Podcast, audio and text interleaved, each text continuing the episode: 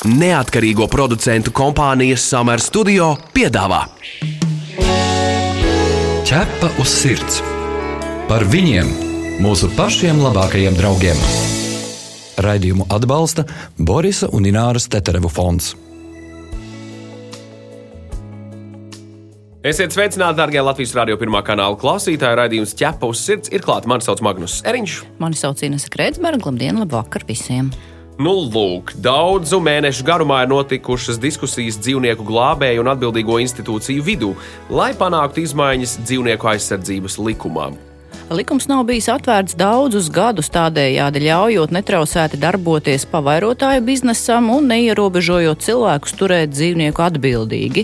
Joprojām suņi tiek turēti īsās ķēdēs un tiek pārkāptas vēl citas labturības prasības. Vai šogad sājuma paspēs izskatīt un izlemt par sen gaidītajām izmaiņām, un vai jaunais gads atnesīs kādu cerību dzīvnieku glābējiem, par to mēs diskutēsim šajā raidījumā ar mūsu viesiem. Šodien mūsu studijā dzīvnieku tiesību aktīviste Karina Vilsone. Labdien! Labdien! Un saimnes deputāts, atbildīgās komisijas, tautsēmniecības, agrārās vides un reģionālās politikas komisijas loceklis Jānis Grasbergs. Labdien! Labdien! Ķerpa uz sirds, diskutē! Pirms sāksim diskusiju, es gribētu klausītājiem atgādināt, ka šobrīd mājdzīvnieku labturības apstākļus regulē dzīvnieku aizsardzības likums, kurš ja var tā teikt, tautas valodā, nav kustināts daudzus gadus. Un tāpēc ļoti svarīgas ir šī brīža virzītās izmaiņas, kas ierobežo dzīvnieku mocītājus un pavairotājus. Jautājums abiem diviem viesiem, kāpēc visus šos gadus nekas nav izdevies? Nebija motivācijas kaut ko mainīt, atbildīgo institūciju ignorance, vai agrāk nevarēja ne par ko vienoties, bet tagad var? Karina, varbūt sāksim ar jums. Jums tomēr tā situācija daudzus, daudzus gadus jau ir pārredzama. Kā jums pašai liekas? Nezinu, kāpēc neviens nav pieķēries tam daudzus, daudzus gadus, bet mēs esam snieguši ļoti daudz iniciatīvas platformā Mana balss. Gan par biedrību darbības neierobežošanu, gan par aizliegumu turēt suņus pie ķēdēm dažādas iniciatīvas. Nu, šobrīd beidzot tas ir aizklāvējies līdz saimai, jā, lai, lai notiktu šie grozījumi. Jā. Nu, tātad, principā, šis tāds, jūsuprāt, īstais brīdis, Grāsberga kungs, kā jums liekas, kāpēc agrāk neizdevās un tagad vismaz kaut kas sāk uztēties? Vai sabiedrība vairs nav vienaldzīga pret tām lietām, pret kurām agrāk bija vienaldzīga, vai kāds cits iemesls? Nu tā, ja es atceros iepriekšējā reizē, kad šis likum, likums bija atvērts, dzīvnieku aizsardzības likums, tas bija pirms četriem gadiem. Un, skaidrs, ka likumus var vaļā atbildīgā ministrija. Šobrīd tā ir zemkopības ministrija. Un, uh, Principā tās ir prioritātes. Nu, ko kura ministrija noliek par prioritāti, kurā brīdī. Iepriekš šie grozījumi, kas bija pirms četriem gadiem, tad viņi paredzēja tieši vairāk šo dzīvnieku reģistrāciju. Tad viņš bija paralēli gāja kopā ar veterināru medicīnas likumu par šo apzīmēšanu, ja, par čipēšanu, par šiem jautājumiem. Bet šobrīd šis likums ir vairāk pavērts vaļā tieši dēļ labturības. Un tas, kā arī ir šis nosaukums, ja tas dzīvnieku aizsardzības likums. Un man liekas, tā būtiskākā lieta ir tieši, kad mēs sabiedrībai raidām skaidru signālu, ka turpmāk dzīvniekus mēs pie ķēdes vairs neturēsim. Lielu rezonanci sabiedrībā pirms pāris mēnešiem sacēla jautājums par to, vai dzīvnieku glābēji varēs turpināt glābt dzīvniekus un tiem nevajadzēs reģistrēties kā patversmē. Ko paredzēja plānotie grozījumi? Vai ir panākts kāds kompromiss šajā jautājumā un kāds tas ir? Ja mēs skatāmies, jā, tad es gribētu vispirms teikt ļoti lielu paldies dzīvnieku aizstāvju organizācijām, kas izgaismoja šo jautājumu, kad redakcija nav uzrakstīta pietiekami korekti. Un kad šī redakcijai ir jāpievērš uzmanība, un viņa ir nu, jāpilnveido. Un, līdz ar to tad, sākās šis darbs pie redakcijas pilnveidošanas, kas ir sadaļā nevis par ķēdēm, bet sadaļā pie šīs glābēju reģistrācijas prasībām un, un normām. Tad mēs arī komisijā tikām principā līdz 23. priekšlikumam. Tur tādas uh, priekšlikumi, kā viņi pēc kārtas iet, uh, nu, aptuveni pusē. Un uh, tad arī mums bija pikets pie saimnes, kas principā atvēra deputātiem ausis, ja, jeb acis, kad paskatīties tomēr dziļāk šajā jautājumā, vai tiešām kāds nav aizmirsts. Ja, un patiesi bija aizmirstas šīs organizācijas, kas nepilda patvērsmi funkciju. Ja, nu, lūk, tipiski pilnā. Karina Vilsone. Pareizi, viņa pārstāv tātad dzīvnieku glābšanas biedrību, ķepus sargi. Jautājums, Karina varēs turpināt glābt dzīvniekus, nereģistrējoties kā patvērsmi? Pēc jaunajiem grozījumiem izskatās, ka jā. Tu esi mans draugs, ķepus sirds. Kā likumā tiks paredzēta pavairotāju patvaļas ierobežošana, jo tas, kas šobrīd notiek un pēdējos gadus ir noticis, tas ir diezgan traģiski. Mums ir arī tā jāsaprot, ka principā jau par pavairotāju var kļūt jebkurš saimnieks, kuram ir nesterilizēts dzīvnieks. Mājās. Jā, viņš izdomā miksēt dažādas šķirnes. Mums drīz būs arī raidījumā sižets, kā var sakrustot alabaju ar laiku vai, vai malino ar vilku un tirgo internetā pa 100, 160 un 200 eiro. Tad cilvēki jau kļūst radoši, jau miksējot šīs šķirnes un, nu, tirgojot. Kā, nu, viņi uzskata, ka īstenībā tas ir atļauts. Un, nu, līdz šim viņi skaitījās vienkārši kā dzīvnieku saimnieki, un līdz ar to nekādas papildus reģistrācijas viņiem nebija jāveic. Šobrīd grozījumi paredz, ka viņiem būs jāreģistrējās lauksaimniecības datu centrā, lai viņi kļūtu par nu, pārbaudes subjektu arī pārtiks veterinārijam dienestam, un līdz ar to viņiem būs jāreģistrējās kā dzīvnieku audzētājiem Un tā vieta, kur tas notiek, būs jāreģistrē kā dzīvnieku audzētava. Un, līdz ar to tad, tur uzreiz ieslēdzās šīs te, nu, kontrolas mehānismi. Kad... Pagaid, pagaid, pagaid. Ja manai kucītei gadās Kucēni. Okay. es tagad nu, atzīstu vainu, labošos. Tā ļoti daudz saka, nu tā sanāca, nosterilizēšu drīzumā. Uh, nu, man kaut kā jātiek galā ar tiem kucēniem, kurus es bāzīšos ar viņiem virsū, gan internetā, gan paziņām zvanīšu. Tas nozīmē arī man jāreģistrējas kā audzētavai.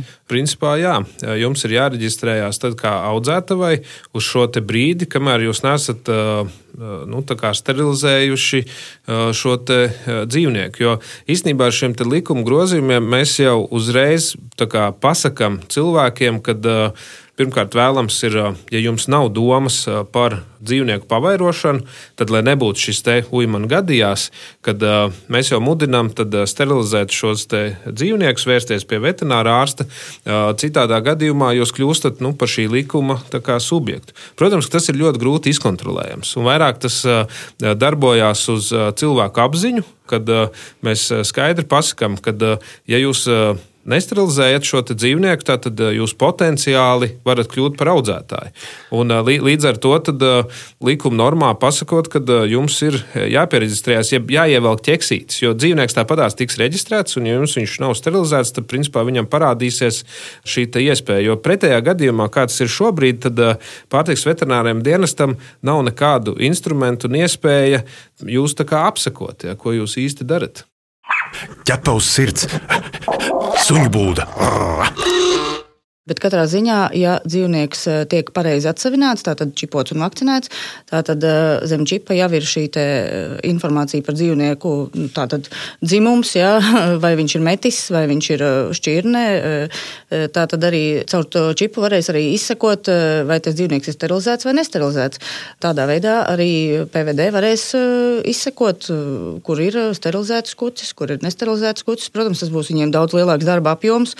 Bet, nu, tā tam jābūt. Jā, tā, tā tas notiek. Bet, protams, lauku reģioni, kura gan tā ante zinās, eh, vēl jau tagad neviens nezina, kad eh, ir jāčipo un jāvakcinē. Jā, un dala labās rokās. Nu, tur jāveic ir eh, milzīga informatīva kampaņa. Mm. Atgādinām, ka pie mums studijā šodien ir dzīvnieku tiesību aktīviste Karina Vilsone un Saimas tautsēmniecības agrārās vides un reģionālās politikas komisijas loceklis Jānis Grāsbergs. Un mēs diskutējam par to, vai šogad izdosies pieņemt grozījumus dzīvnieku aizsardzības likumā. Un vai tiks aizliegta suņu turēšana pie ķēdes? Šo radio pārēdi varēsiet dzirdēt arī podkāstu formā, populārākajās straumēšanas vietnēs, kā arī arhīvu sadaļā mājaslapā www.ķepauzsirds LV. Tu pazīsti kādu īpašu dzīvnieku draugu? Tavs kaimiņš vai kolēģis palīdz nelaimē nonākušiem suņiem un kaķiem? Varbūt kāds suns vai kaķis izmainīs tavu paša dzīvi. Raksti mums, un mēs pastāstīsim šo sirsnīgo stāstu pārējiem klausītājiem. Iedrošināsim arī citus izdarīt kādu labu darbu. Gaidām jūsu vēstuli uz info atķepa uz sirds LV. Viens no svarīgākajiem jautājumiem, kas jārisina Latvijai, lai tā kļūtu par attīstītu valsts dzīvnieku labturības ziņā, ir beidzot aizliegt turēt suni pie ķēdes. Mēs jau pavisam nedaudz pieskārāmies šim raidījuma sākumā, bet kas notiek šajā ziņā, ko paredzēs jaunie likumu grozījumi un kā jūs uz to visu skatāties? Principā likuma projekta grozījumi paredz to, ka uh, nu, pēc šī datuma, kad būs stājies spēkā. Turpat ir mēneši vēl uz priekšu. Es tagad tā no galvas nenosaukšu, cik. Bet, mums jau šobrīd ir regulējums, kad manuprāt, līdz pusgada vecumam. Līdz deviņu mēnešu. À, deviņu mēnešu. Manuprāt, deviņu vai desmit mēnešu vecumam kucēnu nedrīkst turēt Desmit. piesai. Desmit. Nu, Jā. re. Es, jā, mums dažādas eh, versijas izskan par šiem mēnešiem, bet principā ir tas laiks, kas jau šobrīd ir noteikts, ka nedrīkst. Un, eh, līdz ar to tie būs tie pārējais eh, kā, noteikumi.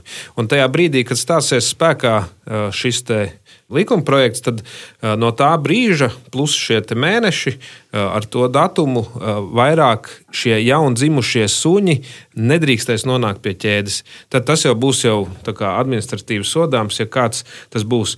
Es zinu, ka eh, pacēlās šis jautājums, ko darīt ar tiem dzīvniekiem, kas jau ir jau savu mūžu lielu daļu pavadījuši Jā, jā, pie tas ir ķēdes. nākamais jautājums. Jā.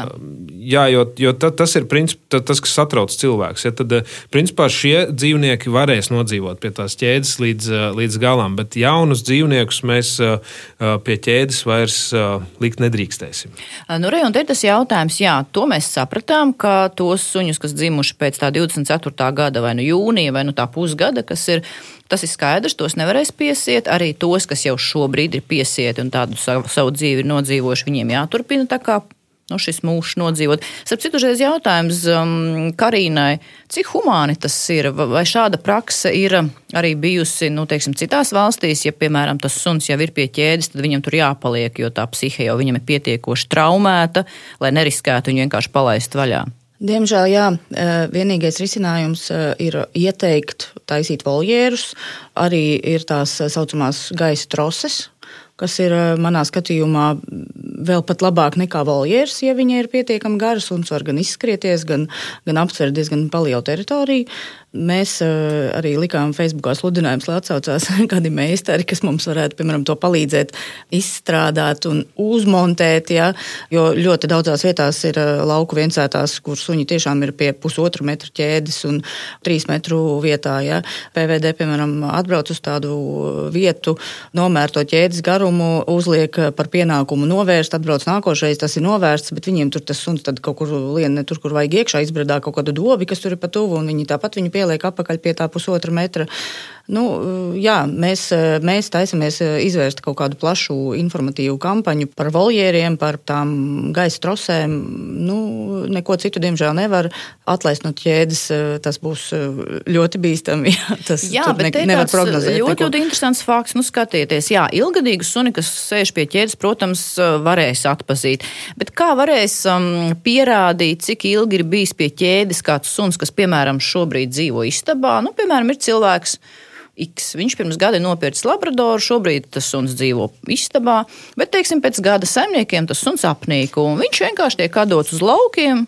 Pie radiem turēt pie ķēdes. Jā, to mēs darba grupā arī Jā, jā, tad- tad, cēlām šo jautājumu. Tad jā. es izstāstīšu, sa- tad sanāk, ka viņš ir dzimis, uh, viņš nav dzimis pēc 24. gada, ja? Jā. nekad pie ķēdes nav dzīvojis, bet vienalga sanāk, ka neviens likums Jā. neaizliedz turēt, piemēram, divgadīgu suni pie ķēdes, pat ja viņš iepriekš nav bijis. Mēs eh, domājām, ka eh, šo te arī varētu zem tā paša čipa numura LDC reģistrēt, atzīmēt kā sterilizēts, nesterilizēts, eh, vakcinēts eh, pret rakumu sērgu vai nē, un tāpat tās vai viņš ir, teiksim, ķēdes suns vai neķēdes suns. Šādus gadījumus likumā mēs ierakstīt īsti nu, nevaram uh, pēc uh, likuma panta, bet to var risināt caur ministru kabineta noteikumiem.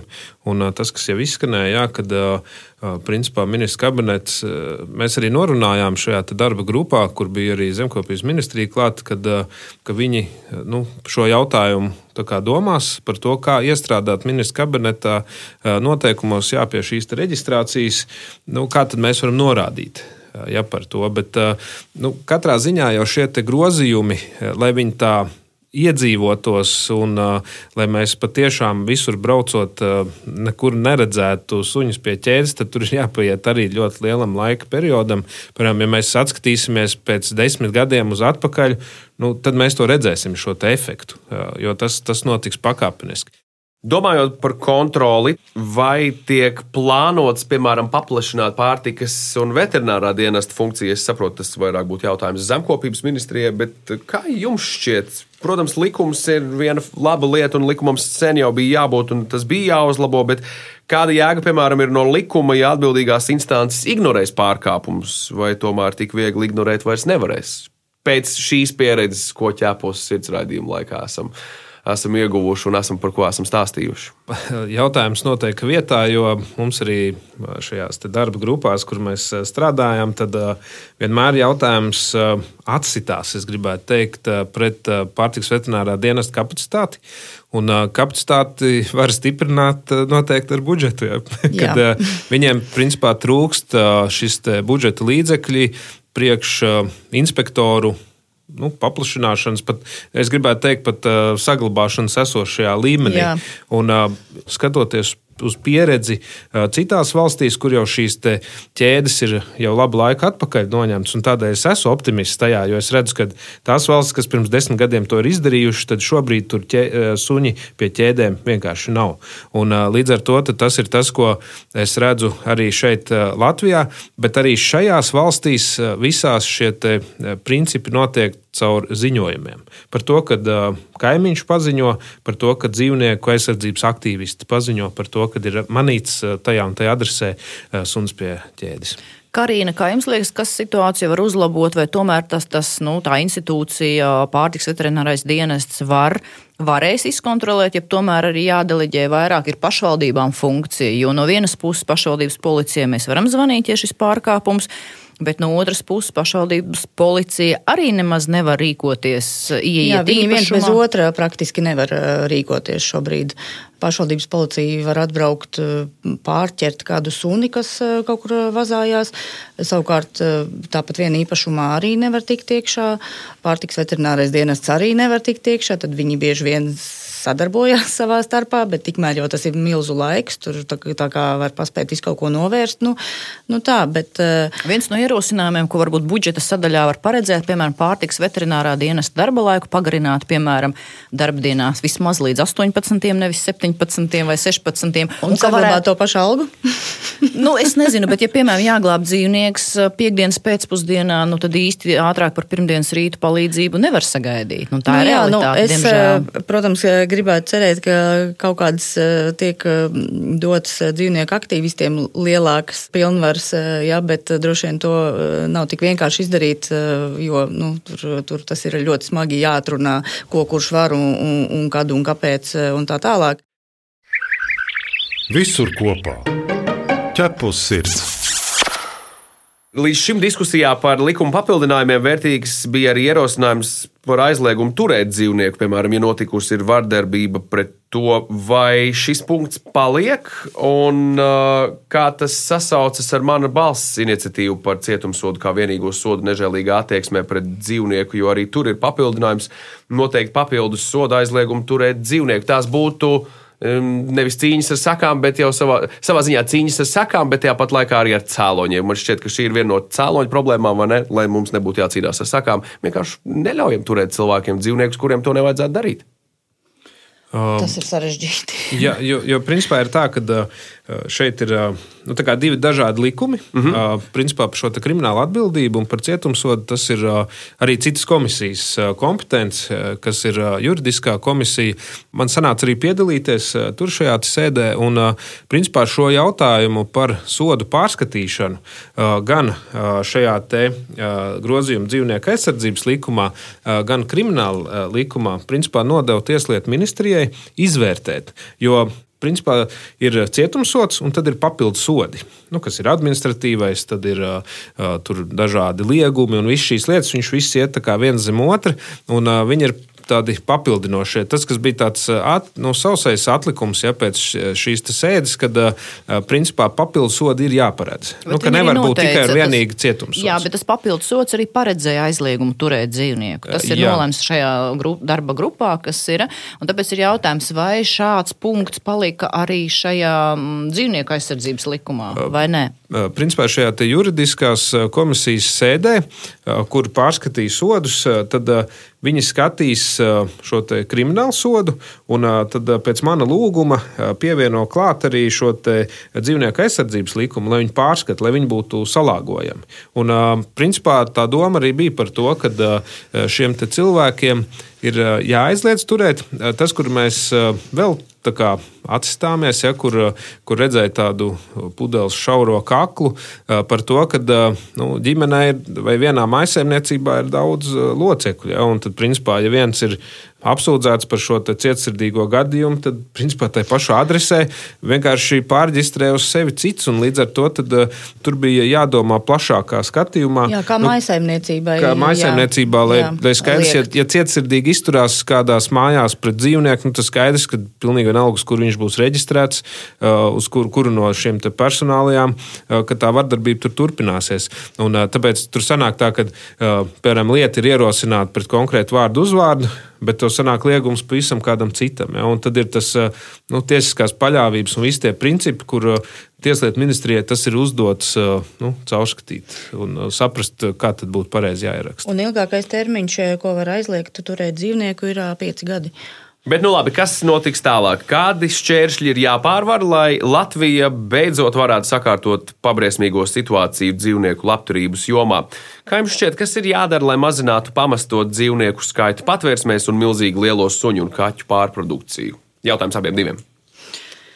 Nu, pirmkārt, tā čipošana ir ļoti, ļoti, ļoti, ļoti svarīga, jo tā ir apzināšana, uzskaite, ja, piesaisti kādai konkrētai personai, tā dzīvnieka.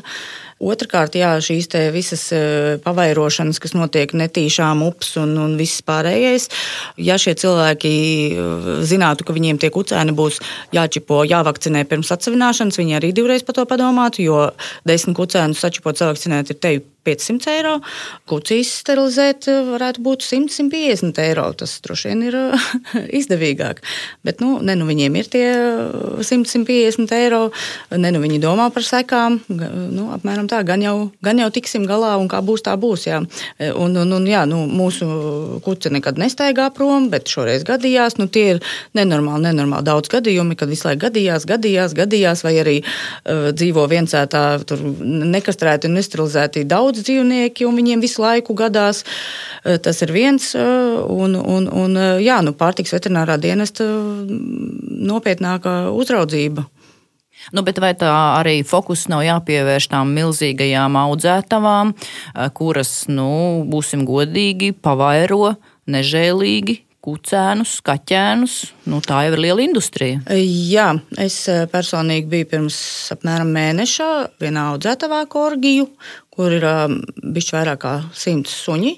Un uz visiem tiem simts dzīvniekiem ir viena šī kopēja, kas ir saimniece, šīs audzētavas īpašniece. Viņa man teica, ka pie viņas pārtiks veterinārais dienests ir bijis 13 reizes šogad, un viņai viss ir kārtībā. Suņi dzīvo šķūnī, Eh, suņi dzīvo salmos, eh, suņi ir absolūti nesociāli. Eh, viņiem ir bail no cilvēkiem. Viņi savu mūžu redzējuši vienu cilvēku tikai, kuri nu ir pārbaroti. Man šobrīd uz rokām ir. Es no viņas nopirku no viņiem korģiju. Man uz rokām ir šķirnes eksperta atzinums, ka visticamāk suns ir Velsas korģija kardigāna šķirnes krustojums. Nu, tā tad metis. Ja? Tāpēc, kad eh, acīm redzot, nav ievēroti šie visas tās ģenētiskās iepriekš pārbaudes, viņš ir sakrustots, tur iespējams arī radniecīgi, nu, visādi varianti tur var būt. Ja patversmēs uz, uz 20 suņiem ir viens kopējs, jābūt jā, pēc eh, ministru kabineta noteikumiem, tad eh, tādai audzētā, audzētavai šādu noteikumu nav. Ir tas um, cilts darba likums, kur pārsvarā viss tiek noteikts tikai uh, lielopiem. Ok, tātad jūs veicāt kontrolu pirkumu, nopirkāt kucēnu. Jā.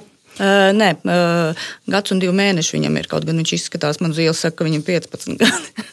Uh, nu, labi, ko šādu informāciju var darīt? Var vērsties policijā, var vērsties Nē. pārtiks veterinārā dienestā. Mēs varam tikai publiski Bet- celt tādu traci, kad paskatieties, kas notiek. Pēc būtības tā taču ir krāpniecība. Tev, jums piedāvāja korgiju, jūs tikāt pie kaut kā, Nu, kas ir gandrīz korgijas. Nu, viņam es pieļauju, ka uh, asinis tomēr ir 90% korgija. Nu, bet tas nav šķirnes dzīvnieks, Bet viņu godīgi. uh, šķirnes uh, eksperti neatzīst. uh, Viņš tātad izstādēs nevar piedalīties. Man izklausās, ka tā ir krāpniecība. Es neesmu jurists, bet Uh, Jā, man izklausās, ka tā ir uh, krāpniecība. katrā ziņā, ja vēl viņš būtu kastrēts, ja, un, un es pie tāda tiktu, tad viņa vismaz būtu mm, novērsusi to tālāko mm, nepareizās šķirnes uh, Nu, pavairošanu. tātad, ja. ja nav aizliegts tirgot, tas ir atļauts. Jā, tā tad es esmu ieguvusi it kā principā vaislas materiālu, un es varu ar viņu tagad eh, pavairot mierīgi. Grasberga kungs noslēgumā tāds jautājums, kā jūsuprāt var uzlabot šo situāciju? Tā būtu sabiedrības izglītošana vai tomēr bargi sodi, vai tiešām pilnīgi visus cilvēkus var ar tādu izglītošanu mainīt uz labu? Eh, Principā jau tādi pirmie soļi arī šajās, šajos grozījumos ir ar šo te reģistrāciju, kad principā šīm te dzīvnieku audzētavām, protams, mēs pirms tam ra- raidījumā pieskārāmies par to, kas tad ir ar to vienu suni, ja, bet eh, tāpat varbūt nav tik liela problēma, kā eh, nereģistrētas šīs audzēšanas vietas, bet eh, mēs jau likuma ietvarā jau nosakam, kad ir jāreģistrējās gan tā novieta, nu, vieta jāreģistrē, ja kurā vietā tas notiek, un, eh, un mēs par pienākumu uzliekam eh, reģistrēt arī audzētāju nu, institūcija, ja viņš ir fiziska vai juridiska persona. Līdz ar to solīts ir spērts šajā te, uh, pusē, un arī uh, Zemkopijas ministrijai likums uzdod iz, kā pārskatīt un izveidot šos ministra kabineta noteikumus ja, par šīm prasībām, kā turēt un uh, visas šīs lietas. Un, uh, principā, Tas arī paver šo iespēju plašāk kontrolēt. Jo līdz šim, principā, audzētāji reģistrējās caur savu audzētāju organizāciju, nevis katrs kā indivīds atsevišķi. Līdz ar to bija šis likuma rops, kad, principā, tu vari būt audzētājs, bet īstenībā nekur īsti neesi reģistrējies. Neviens nezin, kur- kur tas atrodas Jā, jo, precīzi, jā. jo, jo šo mēs principā ar šo likumu tā kā ietveram, bet, protams, šobrīd ir ļoti svarīga tā pārtiks veterinārā dienas kapacitāte. Visus šos gadījumus apskatīt. Un kas ir vēl, mums jau ir pieejami arī šie publiskie nu, ziņojuma dēļ, ja, jeb portāli, internetu, kur mēs varam iegādāties gan automašīnas, gan īstenībā arī mājas un, un arī dzīvniekus. Un, principā, tad tā būtu arī iespēja pārtiks veterināram dienestam arī nu, skatīties līdzi. Un tas, ko es redzu, kad pie katra sludinājuma, nu, šeit mēs dzirdējām stāstu par šo korgiju, ja, kas bija pirkts, bet tur būtu jāklā, jābūt klāt šim audzēšanas audzētāja teiksim, identifikācijas numuram, un ka mēs viņu varam sajaukt pēc tam kopā pārtiks veterinārā dienesta, jeb lauksaimniecības datu centra bāzi ar ieņēmumu dienestu. Un tajā brīdī jau šie krāpšanas gadījumi būs jau stipri mazāk, jo šajos gadījumos pārsvarā visos tā ir arī ēna ekonomika. Kad protams, principā, protams. šī nauda netiek nekur neuzskaitīta, nu, nekādā ziņā. Un, Bet tas, kas ir svarīgākā lieta, varbūt pat uh, par šo tēnu ekonomiku, kad ir šīs turadniecības riski. Ja, un uh, ka mēs uh, sapārojot turadniecīgus dzīvniekus, iegūstam dažādas kroplības. Ja, un tad beigās tas jaunais saimnieks, kurš priecīgs ir nopircis it kā ja, šķirnes suni, patiesībā atklāja, ka viņš ir tikai ar šķirnēm, šķirnē līdzīgām pazīmēm, un pie kam vēl ar daudz un dažādām veselības problēmām. Ja, un beigās sanāk, kad Saimniekam pēc neilga laika ir varbūt pat uh, šis te, uh, dzīvnieks jāetenizē, jo tās slimības ir tik daudz, ka nevar savietot ar, ar uh, nu, uzturēšanu. Ja? Un līdz ar to tā, tā problēma ir liela, bet uh, šīs te, uh, jebkura reģistrācija, jebkura nu, tāda izgaismošana, uh, es domāju, ka ir solis pareizā virzienā, un kad mēs nu, iegūst, iegūstam tādā veidā šo sakārtotību, un, un tad arī, es domāju, tie darboņi, ja, tā viņus varētu nodefinēt, nu, aizvien vairāk kā bīsies un ievēro šos te noteikumus. Nu, ko cerēsim uz cerīgu nākotni? Tepat arī tuvākajās dienās cerams, ka likuma izmaiņas tiks virzītas uz priekšu, nekas nebuksēsies. Šis noteikti nav jautājums, kur likt punktu. Tā ir daudz punktu, un mēs, mēs šo tēmu turpināsim arī jaunajā gadā. Nu, ko sakam, paldies mūsu viesiem. Mums studijā šodien bija dzīvnieku tiesību aktīviste Karina Vilsone un Saimas tautsēmniecības agrārās vides un reģionālās politikas komisijas loceklis Jānis Grasbergs. Paldies viesiem! Paldies! Paldies! Murrājam! ķepa uz sirds! Bet mēs savukārt atgādinām, ka ķepos sirds TV raidījumam varat sekot līdzi katru sestdienu, pulksten 11.15 un atkārtojumās svētdienās Latvijas televīzijas pirmajā kanālā. Mēs arī gaidām jūsu jautājumus, ierosinājumus, idejas, sižetiem. Rakstiet mums info atķeposirds.lv. Bet šajā raidījumā tas ir viss. Mani sauc Ines Kreitsberga. Mani sauc Magnus Eriņš. Raidījumu veidoja neatkarīgo producentu kompānija Summer Studio. Visu labu! Un noslēgumā precizējums informācijai, kas izskanēja 25. septembra raidījumā Ķepaus sirds. Šajā raidījumā stāstījām par Šveices organizācijas Pasaules dzīvnieku tiesību asociācijas izveidoto barometru, kurā salīdzināti valstu likumi dzīvnieku labturības jomā. Šis barometrs raidījumā tika atspoguļots veidā, kas var radīt nepatiesu priekšstatu par to, kā Latvijas likumi šajā jomā izskatās salīdzinot ar citām valstīm. Valstis barometrā sadalītas astoņās kategorijās atkarībā no tā, vai un cik augstus dzīvnieku labturības standartus nosaka valstu likumi. Latvija ierindota otrajā kategorijā pie valstīm, kurās ir pieņemti dzīvnieku labturības pamata likumi. Šajā valstu grupā ir ne tikai Kazahstāna, Krievija, Bosnija un Nigērija, bet arī liela daļa citu Eiropas valstu, kā Lielbritānija, Dānija, Zviedrija un citas. Ķepa uz sirds! Informatīvi izglītojoši raidījums par dzīvnieku pasauli un cilvēkiem tajā. Raidījumu atbalsta Borisa un Ināras Teterevu fonds.